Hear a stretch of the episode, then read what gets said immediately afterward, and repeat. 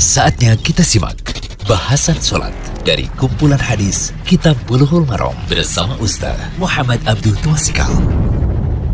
Bismillahirrahmanirrahim. Assalamualaikum warahmatullahi wabarakatuh. Alhamdulillah, salatu wassalamu ala rasulillah wa ala alihi wa man tabi'ahum bi ihsan ila yaumiddin. Allahumma anfa'na bima 'allamtana wa 'allimna ma yanfa'una wa zidna ilma. Kali ini kita berada di audio ke-110 dari pelajaran Bulughul Maram karya Imam Ibnu Hajar Asqalani kitab salat bab sifat sholat. Bacaan rukuk dan sujud sekaligus. Nah coba kita lihat hadisnya hadis 294 an Aisyah radhiyallahu anha. An Aisyah radhiyallahu anha.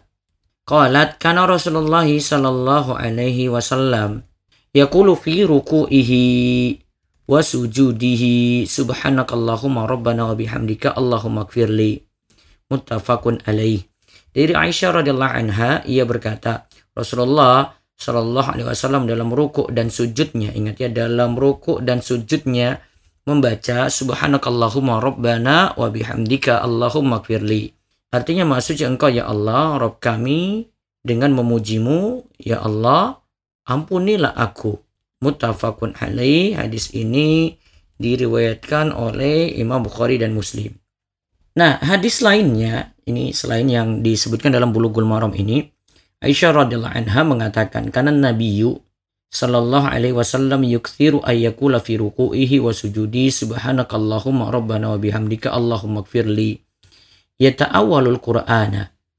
Saat ruku dan sujud Nabi Shallallahu Alaihi Wasallam memperbanyak membaca doa Subhanakallahumma Rabbana wa bihamdika Allahumma gfirli Artinya, maksudnya engkau ya Allah, Rabb kami dengan memujimu, ya Allah ampunilah aku. Ini sebagai pengamalan ya perintah Al-Qur'an yaitu di dalam ya surat An-Nasr.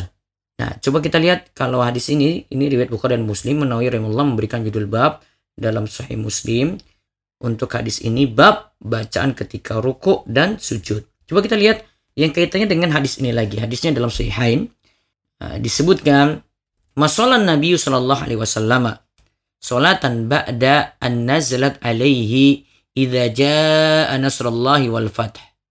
Illa yaqulu fiha subhanaka rabbana wa bihamdika allahumma ighfirli setelah turun surat An-Nasr, Nabi Shallallahu Alaihi Wasallam melakukan sholat lalu rutin membaca Subhanaka Allahumma Subhanaka di sini tambah Allahumma di sini ya. Subhanaka Rabbana wa bihamdika Allahumma gfirli. Maksudnya engkau Rob kami dengan memujimu, ya Allah ampunilah aku. Hadis ini riwayat Bukhari dan Muslim pula. Nah, faedah hadis yang bisa kita ambil. Hadis ini menunjukkan disyariatkannya untuk orang yang sholat membaca subhanakallahumma rabbana wa bihamdika allahumma gfirli. Dan tadi disebutkan ketika apa? Ketika ruku dan sujud. Kemudian yang kedua di sini jadi dalil boleh memperbanyak doa semacam itu. Kemudian yang ketiga di sini jadi dalil boleh berdoa ketika ruku dengan doa yang maksur Doa maksur itu berdasarkan dalil. Walaupun doa ketika sujud itu lebih banyak. Karena kita diperintahkan bersungguh-sungguh dalam doa saat sujud. Hadis sebelum ini, ini menyebutkan bahwa kita diperintahkan untuk mengagungkan Rob kita saat ruku. Wallahu alam bisawab. Semoga jadi ilmu yang manfaat. Demikian bahasan sholat dari kumpulan hadis Kitab Buluhul Marom bersama Ustaz Muhammad Abdul Tuasikal.